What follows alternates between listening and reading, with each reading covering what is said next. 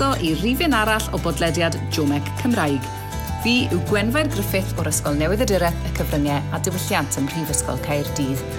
A dyma gyfres gan fyfyrwyr a thîm dysgu Jomec sy'n edrych ar bob agwedd o newydd y dyreth a chyfathrebu yng Nghymru.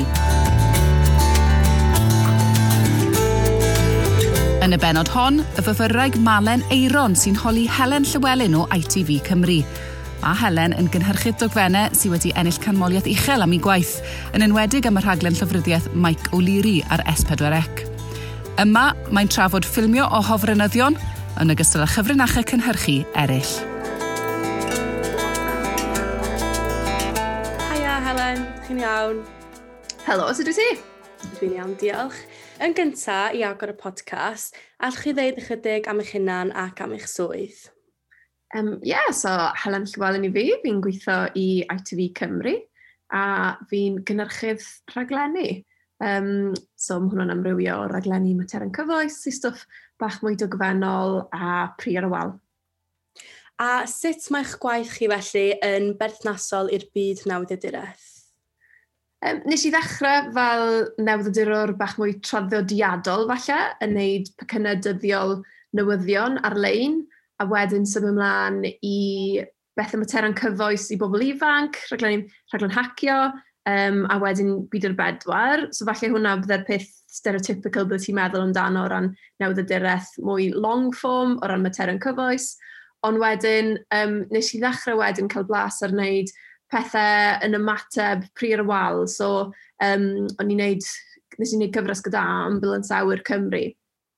A just dechrau sylweddoli um, bod na fwy i newyddiadureth falle nag o'n i wedi sylweddoli'n reiddiol pan o'n i yn astudio ac yn meddwl be o'n i'n mynd i wneud o ran gyrfa. Um, sylweddoli bod sgiliau newyddiadurol falle um, i hangen mewn lot o raglenni ffeithiol, y cyfresu ffeithiol a teledu, ond sy'n bach fwy cydd. A um, sut felly sych chi'n deud bod eich gwaith chi wwan um, yn wahanol i nawddiadureth dyddiol? Um, fi byth di wneud nawddiaeth dyddiol o ran newyddion teledu. Um, fi ond wedi wneud stwff mwy hir dymor, materion cyfoes, ble chi'n cael cyfle i rili really mynd mewn yn ddwfwn a ymchwilio i bynciau. Um, ond falle be fi'n wneud nawr sydd bach yn wahanol eto ydy mae'n fwy o faterion cyfoes dogfennol mewn ffordd. So mae'n rhyw gyfuniad o'r ddau ble ni'n ymchwilio i bethau ond mae bach fwy o naws dogfennol a pri ar y wal i bethau hefyd.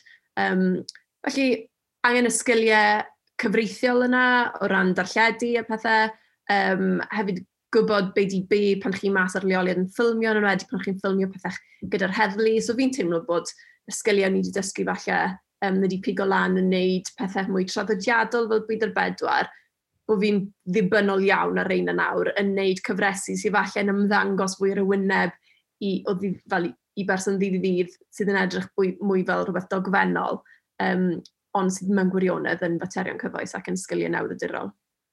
Felly, ers graddio o'r brifysgol, beth sydd wedi ysbrydoli chi a sicrhau chi mae dyma'r swydd ydych chi eisiau bod yn? Um, be oedd y profiadau yn y gorffennol nath eich ysbrydoli i fod yn y swydd? Fi si'n lwcus iawn.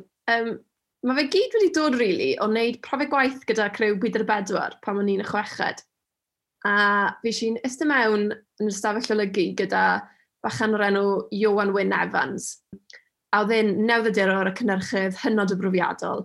A oedd e'n neud rhyw ymchwiliad mewn i rhyw fenyw oedd wedi bod yn cafflo. Um, a yn rhan o hwnna, um, mi nath nhw'n neud doorstep.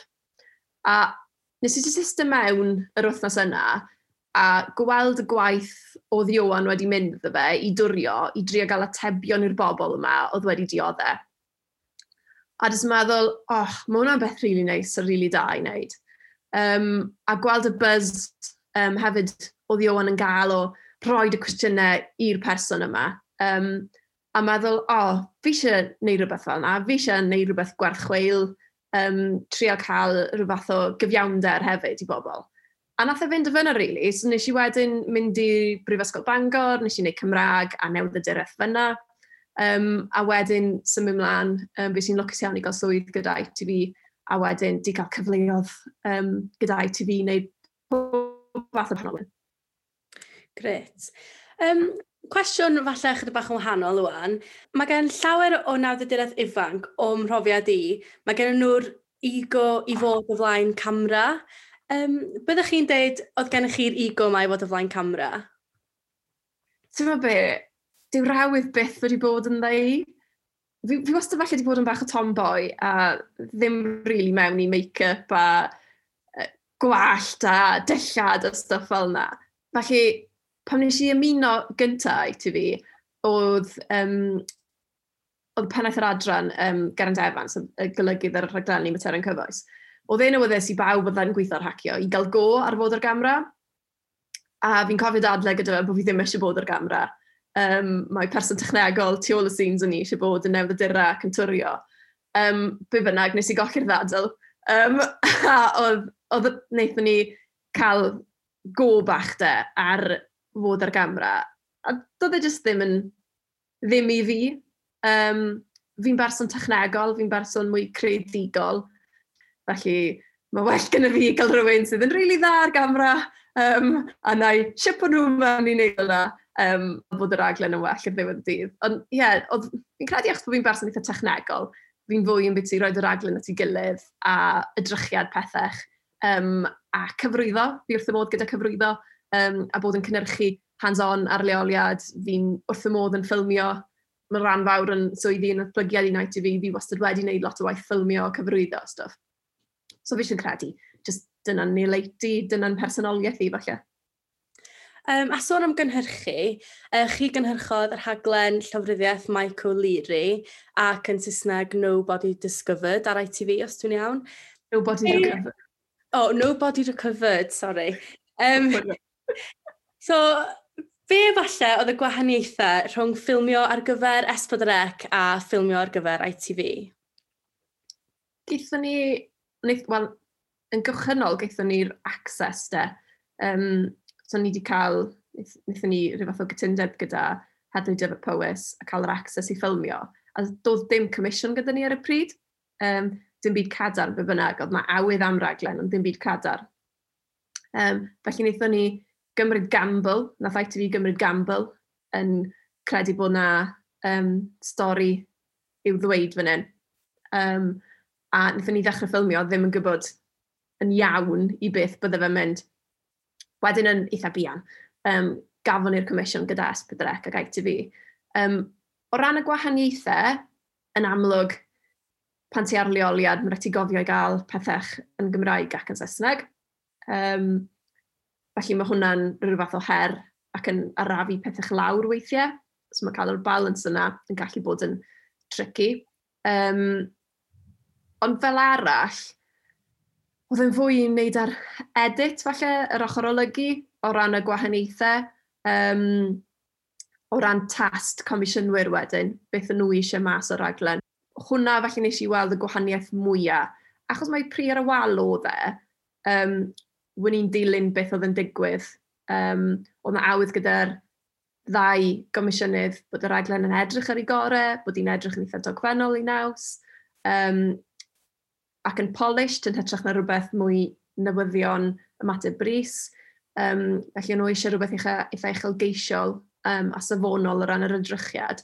Um, felly oedd hwnna'n eitha tebyg, ond wedyn jyst y broses o lygu o ran chydig o wahaniaeth o ran strwythyr, ond hefyd meddwl am y gynulleidfa. Felly oedd ti gynulleidfa sbydrec, oedd yn nabod yr ardal, oedd yn Gymru Cymraeg, yn deall falle um, y gymdeithas y stwff. A wedyn oedd ti gynulleidfa ITV, oedd yn gynulleidfa um, wel, a dros Brydain gyfan. Um, felly, oedd rhaid cadw hwnna mewn, mewn golwg wedyn pan o'n i'n golygu ac yn sgriptio ar gyfer ITV. A pa mor anodd, uh, sa'ch chi'n dweud, oedd cynhyrchu'r rhaglen yma yn gyfreithiol? Um, Mae'n... ma wastad... Y peth, y peth sy'n anodd pan ti'n neud raglenni, falle bris fel un cychwynol ydy cael yr cytundeb yna gyda'r heddlu. Um, felly, ni'n gorau cael rhyw fath o checks i gyd, so mae'r crew i gyd yn gorau cael checks gyda'r heddlu cyn bod ni'n cael access i wneud e. So ti'n mynd trwyddo vigorous police checks a background checks a teulu ti a popeth fel yna. So mae hwnna'n rhyw fath o gam cychwynol. Wedyn, ar hyd y ffordd, just bod yn ymwybodol o popeth sydd yn ymlaen, beth sydd yn wybodaeth cyhoeddus, beth sydd yn wybodaeth sydd wedi dod mas yn y cwrt, beth sydd gyda nhw o ran i ymchwiliad nhw. Um, a mae jyst yn gweithio gyda'r cyfreithwyr yn ITV, cyfreithwyr arbennig gyda ni ar gyfer y rhaglen Cymraeg hefyd. Um, oedd yn, yeah, ma, nes i ddim gweld ti'n rhaglen mor heriol a hynna'n gyfreithiol. Um, oedd hi'n, ie, yeah, nes i ffeindio un oce okay yn gyfreithiol de, ond yn amlwg, ie, yeah, mae yna ma na, um, ganllawiau lle ti'n gorfod dilyn yn enwedig pan fydda ti achosion llys a achosion troseddol. Uh, a rwy'n siŵr oedd hi'n anodd hefyd siarad efo'r teulu gan ei fod yn bwnc mor sensitif, yn enwedig hefyd gan nad oedd y corff wedi ei ddarganfod. Um, felly, sut byddwch chi'n dweud chi ati i gynllunio ac i siarad efo'r teulu? Mae hwnna bob amser yn rhywbeth fi yn ffeindio'n heriol. Um, fi wastad yn meddwl, tas o'n i'n ei sefyllfa nhw, sut tas o'n i'n teimlo yn cael rhywun fel fi yn dod mewn fyna ac yn holi cwestiynau ac yn sôn am beth o'n i'n neud gyda'r heddlu, beth o'n i wedi bod yn ffilmio um, ffordd wnaethon ni fynd ati oedd, oedd gan yr heddlu berthynas dda iawn gyda nhw. Gafon nhw wybod o'r cychwyn cyntaf, pan o'n i'n dechrau ffilmio, beth oedd y bwriad, beth o'n i'n neud. Mae hwnna'n bwysig um, i ni fel cwmni, ond hefyd i fi fel unigolyn, bod nhw'n teimlo bod nhw'n cael eu twyllio ar unrhyw, ar unrhyw bwynt, um, a bod ni'n cadw pethau chwrth nhw. Felly, fydd unrhyw fath o adeiladu perthynas dros gyfnod hir iawn o amser yn dechrau gyda um, cyfarfod bach um, answyddogol drwy'n bwrdd, a sgwrs eitha agored wedyn. Um, fi'n trial hybu bawb i fod yn agored iawn gyda fi ac i godi unrhyw o ofidiau sgynna nhw, achos nad ydw i'n gwybod am unrhyw ofidiau, fi'n methu wneud yn byd amdano fe. A just adeiladu'r berthynas a'r ymddiriadaeth yna fi'n credu wedyn. Um, a fi'n gobeithio wel, i fi mae hwnna'n holl bwysig. Um, a fi'n gobeithio bod nhw wedi dod drosto yn y rhaglen, bod nhw yn ymddiried yn ni. Um, a yn y diwedd, um, mi o'n nhw eisiau cyfrannu'r rhaglen, so fi'n gobeithio bod hwnna'n brawf o'r ymddiriediaeth hynna. Um, symud ymlaen wedyn i raglen arall ydych chi wedi um, bod yn rhan o'n efo Ambulans Awyr Cymru. Um, ydych chi'n licio trafod chdi bach o profiadau ar y rhaglen yna? ie, yeah. ble fi'n dechrau? Um, Mae'n teimlo'n hir iawn nôl nawr, ro'n i'n eitha ifanc pan o'n i'n neud yna. Um, oedd e'n gyfle nath codi night i fi, um, oedd Iwan Roberts um, yn arwen um, uh, cyfres newydd ar Ambulance awyr, maen nhw angen help llaw arno fe, um, a wwn ni wedi dangos diddordeb. Wedyn, ges i ngalw mewn i'r um, swyddfa rwydd arnod um, a gofyn awn ni ffansi mynd ar gwrs um, wythnos i Thruxton i um, dysgu, oh, i gael qualification hedfan. So os ti'n hedfan ar hofrennydd ar hediad bris, um, mae rhaid bod gen ti qualification hems. So dyna ble ddechreuodd y reili, Mynd lawr i fyny, wneud wythnos o hedfan fyny, bod yn swp sal o ran travel sick, yn neud e, bod tro ni'n mynd lan. um, Ond beth nath nhw ddim ddeitha fi oedd holl bwrpas yr wythnos oedd i wneud fi'n hollol travel sick. Wedyn, pan bod fi'n mynd ar flights go iawn, bod nhw'n teimlo'n hollol, hollol um, ddim byd de, bod nhw'n hollol ffain. So, fyna dechreuodd e, a wedyn, just um, embedo gyda um, tîmodd Ambulance Awyr Cymru um, a dilyn nhw wrth i gwaith nhw. A dde just yn brofiad, a byth gofiadwy, really. Nath y newid fi um, heb os, oedd rhaid fi dyfu lan yn eitha cloi. A mae fi jyst yn rhywbeth fi dal i pinsio fi na'n bod fi wedi cael y cyfle i wneud e.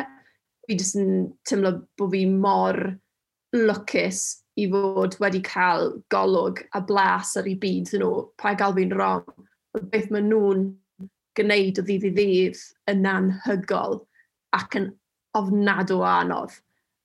Ond oedd cael gweld nhw yn neud y pethau yna, oedd e just, wff, oedd yn hala rhywbeth, oedd yn hala codi gas yn o fi o ran, bydden nhw un eiliad yn cael laff gyda fi yn, yn, yr, um, yn y bus, a falle byddech chi'n ei rhyw ymarferion a be bynnag. A wedyn, bydd, unwaith bydd yr alwad yna mynd, oedd yna rhyw fath o bersonoliaeth newydd, o'n nhw fel yn clicio mewn i rhyw fath o action mode. A oedd e jyst yn anhygol i weld. Number one, fel yr ymdrech a faint nhw'n rhoi eu hunan mas um, yn gwthio'r ffiniau i gyrraedd cleifion. Yn gwthio trwy tywydd gwael, yn chwilio'n llefydd, i lanio, yn rhedeg, yn dringo mynyddau, yn bob math o bethau. Um, oedd oedd hwnna jyst yn anhygol, y y drive na sgynny nhw, ond hefyd jyst y sgil i weld nhw jyst yn gallu achub bywyd. Oedd e jyst, ie, yeah, oedd e'n anhygol. A oedd e'n, maen nhw'n, y criw, oh, maen nhw'n mor humble, maen nhw'n griw arbennig o bobl, maen nhw'n fath arbennig o bobl. Fi'n cymryd ti'n gorau bod yn fath arbennig o bobl i wneud yna.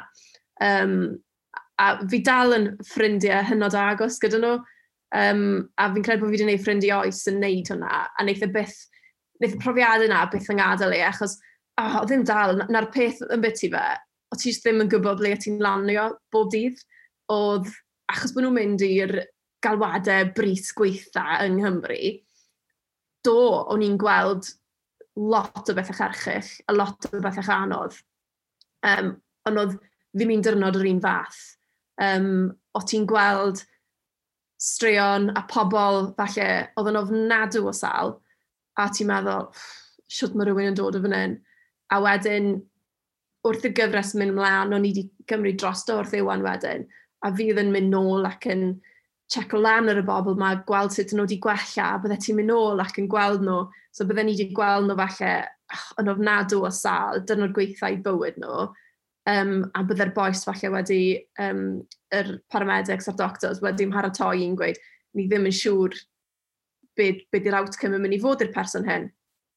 A byddwch chi'n cael rhyw updates trwy ddor ysbyty bod mawr yn man, oedd y boes yn licio cadw lle gyda'r datblygiad a beth oedd yn digwydd i'r cleifion i gyd. A wedyn falle chwech mis, blwyddyn hyd yn o weithiau lawr y lein, byddwch chi'n mynd i gyfarfod y, y rai ailwcus. A oedd e jyst yn anhygol. Um, anhygol i weld, i gweld, i weld nhw wedyn yn gwella a um, nôl gyda'i teuluodd, so mae'n sefyllfa hollol wahanol. Um, o'ch chi'n gweld beth oedd yn meddwl i'r teuluodd, um, gymaint ag oedd yn meddwl i'r cleifion i hunain. Um, oedd e just, ie, yeah, oedd e, e just, a eto, fi'n dal i fod yn ffrindiau gyda rai o'r rheina hefyd. Mae ma fe just yn rhywbeth arbennig i gael fod yn rhan ohono fi'n credu. Um, a mae just cael blas bach o hwnna, a di cael gweld hwnna, Um, a beth mae'n rhaid ni gofio'r ddiwedd y dydd, elusen yw'r ambulance awyr, um, a um, arian pobl Cymru um, sydd yn cadw fe i fynd. Um, a mae, just, mae gymaint o gyfnogaeth i'r elusen. Mae'n anhygol achos maen nhw yn achub gymaint o fywydau. A pwy bynnag, os oes rhywun yn digwydd, ffeindio mas bod fi wedi gweithio arno fe neu'n holi rhyw gwestiwn, mae wastad rhywun gyda rhyw cysylltiad o rhywun sydd wedi cael ei achub ganddyn nhw. Um, a'r pa mor ddiolchgar i nhw, a ie, yeah, mae fe just, mae fe, da, mae, mae fe dal yn rhywbeth fi'n edrych nôl arno ac yn meddwl, waw, fi ffili credu bod fi wedi cael wneud yna. Mae'n swnio fel profiad anhygoel, ond ar y pryd siwr o fod yn brofiad anodd pan ydych chi'n gweld y cleifion yma. Um, sut ydych chi'n meddwl, sut ydych chi'n teimlo'n gorau ffilmio'r cleifion yma? Oedden nhw'n fodlon i chi ffilmio? Um, oeddech chi'n gorau cael caniatad a falle cyn darlledu? ie, yeah, oedd. So mi oedd, mi oedd gyda ni um, rhyw fath o protocol a proses eitha strict um, cyn bod ni'n cael darlledu. Um, ond hefyd ar leoliad, um, a oedd hwnna'n rhywbeth o'ch chi'n gorau mynd o ran profiad pryd oedd yr amser iawn i gyflwyno gyflwyno'ch hunan. Um, o'ch chi'n trial cyflwyno cyflwyno'ch hunan um, cyn gyda dy modd, ond weithiau bydde pobl mor sal, chod, o'n nhw methu siarad gyda chi. Um, felly, ie na, bydd ddim byd yn cael ei darlledu heb ganiatad y claf yna. A o'n i eto wedi bod yn gweld y cleifion yna cyn i ddim byd mynd mas ar dyledu, bydden nhw wedi cael gweld y darn gyntaf, gweld pwy fath o beth o'n i'n um, trio ac anelu i wneud. Um, felly oedd, oedd hwnna mor bwysig, a hefyd cadw'r footage o stuff yn saff, oedd na, oedd na lot fawr o reolau a procedures a pethau yn involved gyda hwnna. A uh, ie, yeah, chod, mi oedd yn anodd, um, a mi oedd yn anodd weithiau ffilm i pobl, um, o ti'n gweld yn dioddau. Um, a mi oedd e, mae jyst yn rhywbeth fi'n credu byddai wastad yn ymladd gyda o ran yn yng nghydwybod i pan fi'n neud y pethau yna. Um, ond beth sydd falle yn lleddwyr cydwybod yna ydy pan fi'n mynd i weld y tyluodd wedyn neu'n gweld pobl wedyn a maen nhw'n meddwl, maen nhw'n yn mor ddiolchgar i ti'n beth ti wedi gwneud, sydd ti wedi handlo fe, bod ti wedi bod mor barchus um, ac yn sensitif. So mae hwnna sy'n bwysig i fi bod fi'n parchu nhw, yn gwybod ble i stopo, yn gwybod pryd i tynnu'r llinell yna, um, achos ar ddiwedd y dydd dim ond teledu yw e. Um, ond i'r cleifion yna, o'n nhw mor falch bod nhw'n gallu rhoi rhywbeth nôl i'r elusen. Um, a achos, os ti'n meddwl am y peth, os ti ar ddyrnod gweithio dy fywyd di, dy rhywun yn dy drin di, hanner yr amser, o'n nhw ddim gweith yn siŵr beth oedd yn digwydd rown nhw, o'n nhw mor sal um, a ti'n gofyn, o ti'n mynd os fi'n rhoi ti'n edrych fel na'r teledu, bydde ti'n meddwl mae'r ymateb bydde na, fi ddim eisiau neb weld fi fel na. Ond yr ymateb oedd 99% yr amser, oedd, oh my god, ie, yeah, rho popeth, gyna be bynnag ti moyn, dangos popeth, achos fi eisiau pobl i weld pwy mae'r sal o'n i, a i weld y gwahaniaeth mae'r hofrennydd mae a'r crew mae wedi wneud i, i mywyd i. Dwi'n mynd i fynd ar draws chydig bach yn wahanol wan, jyst i ddod tuag at terfyn y podcast. Yn ystod eich holl gyrfa nawddedurol, be ydy y peth sy'n aros yn y co, ond hefyd pa aspect ydy'r peth sy'n uh, sy aros yn y co ar ran yr ochr positif a falle'r negatif hefyd? Wff, cwestiynau anodd gyda ti. um, beth sy'n aros yn y co? O, oh, wel, Mae hwn yn rili really anodd, achos fel fi wedi gweud yn barod really, fi'n teimlo mor lwcus. Fi yn cael cwrdd a pobl arbennig yn be fi'n neud. Um, a fi'n cael golwg tu ôl i ddrysau ciedig, um, gymaint o wahanol fydodd, er enghraifft yr ambulance awyr, er enghraifft um, uned troseddau, um, difrifol yr heddlu, um, pwy arall byddai'n cael gweld sut maen nhw yn investigator murder investigation. Mae'n anhygol i fod wedi bod yn rhan o hwnna ac i gweld y determination a y commitment yna gan yr heddlu, um, gan y paramedics. A fi'n credu falle mae'r bobl yna ydy'r uchaf bwynt i fi. Y profiad yna o gael gweld, oedd y bobl fi wedi cwarfod ar hyd y ffordd. Um, maen nhw'n bobl arbennig. Um, sydd yn roed i bobl eraill. Fi'n credu'r fath o bethau fi'n gwneud, ti jyst yn, ti jyst yn cwrdd y bobl. Um, a hwnna falle sydd yn ydy'r highlight i fi. Yr, oh, y peth anodd, yr, wff. Siwr o fod ymladd anghydwybod i pan fi yn ffilmo scenes anodd. Um, fi wastad yn ffeindio hwnna'n anodd. Um, a pan ma'n i'n neud stuff ambulance hour, o'n i'n, y, y peth falle oedd yn noddau fi ar y pryd wedd gweld ymateb teuluodd um, i rywun oedd yn ddifrifol wael, neu falle'n marw. Um, ie, yeah, yeah, dwi, dwi, dwi rhywbeth fel yna ddim yn gadael chi. So fi'n credu hwnna falle di'r pethau anodd um, o ran yng Ngyrfau. Ac felly i gloi, pa gyngor byddwch chi'n rhoi i fyfyrwyr newyddiadureth fel fi sy'n ceisio ffindio'i lle falle yn y byd newyddiadurol, gweld beth nhw eisiau gwneud? Fi credu ti wedi tar taro'r hoelen ar ei ffen, really. Ffindio dy le. Um, fi'n credu o'n i'n panico um, ac yn rhyw fath o, oh, dwi'n mynd i gael swydd os rhywun mynd i eisiau rhoi gwaith i fi, be fi'n mynd i wneud, a ble fi'n mynd i fynd nesaf, a um, poeni lywer gormod, um, ond falle be fi wedi ddysgu ar hyd yn haith i de ydy mae yna gymaint o bethau gwahanol ti'n gallu wneud gyda sgiliau nawdydyreth. So, sôn bach am fel o ti'n sôn ar y cychwyn, wyt ti'n gallu wneud y newyddion rhywbeth eitha amlwg gyda sgiliau newyddiadurol, wyt ti'n gallu wneud y raglenni fel materion cyfwys traddodiadol fel dy bydd yr bedwar di. Ond mae'r sgiliau newyddiadurol yna, maen nhw'n gallu mynd at i, i lot o gyfeiriadau gwahanol hefyd. So paid y meddwl bod rhaid i setlo a dewis ar un peth, achos fi wedi wneud sawl peth gwahanol a sawl cyfres gwahanol, a byddwn ni byth yn newid hwnna. Fi wedi dysgu rhywbeth o bob cyfres fi wedi gweithio arno, a mae hwnna'n mynd mlaen gyda fi bob tro. Um, felly, just paid y panico, mwynha fe, a just trial wneud y gorau, a, a rafi, achos achos mae'n fyd eitha full on de, o ran, um, mae'n eitha go, go, go mas yn ffilmo oriau hir. Trialist yn ôl weithiau, a fi'n gorau wneud hyn fy hun yn aml, cymryd cam nôl a meddwl, waw, be fi'n neud fan hyn? Be, co, co be fi'n cael gweld? Co be fi'n cael profi? Co'r bobl fi'n cael cyfarfod? Um, a just sylweddoli pwy mor lwcus i ni uh, yn ein swydd ni. Um, yn be ni'n cael wneud ar bobl ni'n ni, ni, cael, ni dod ar ei traws da. Fab, diolch yn fawr am gael sgwrs fy fi heddiw. Dwi'n rili really di mwynhau a dwi'n siŵr bod pawb sy'n gwrando wedi cael ei sbrydoli efo chi hefyd. Felly, diolch yn fawr eto. Diolch yn fawr i ti. Plis stop o galw'n chi. Iawn, diolch.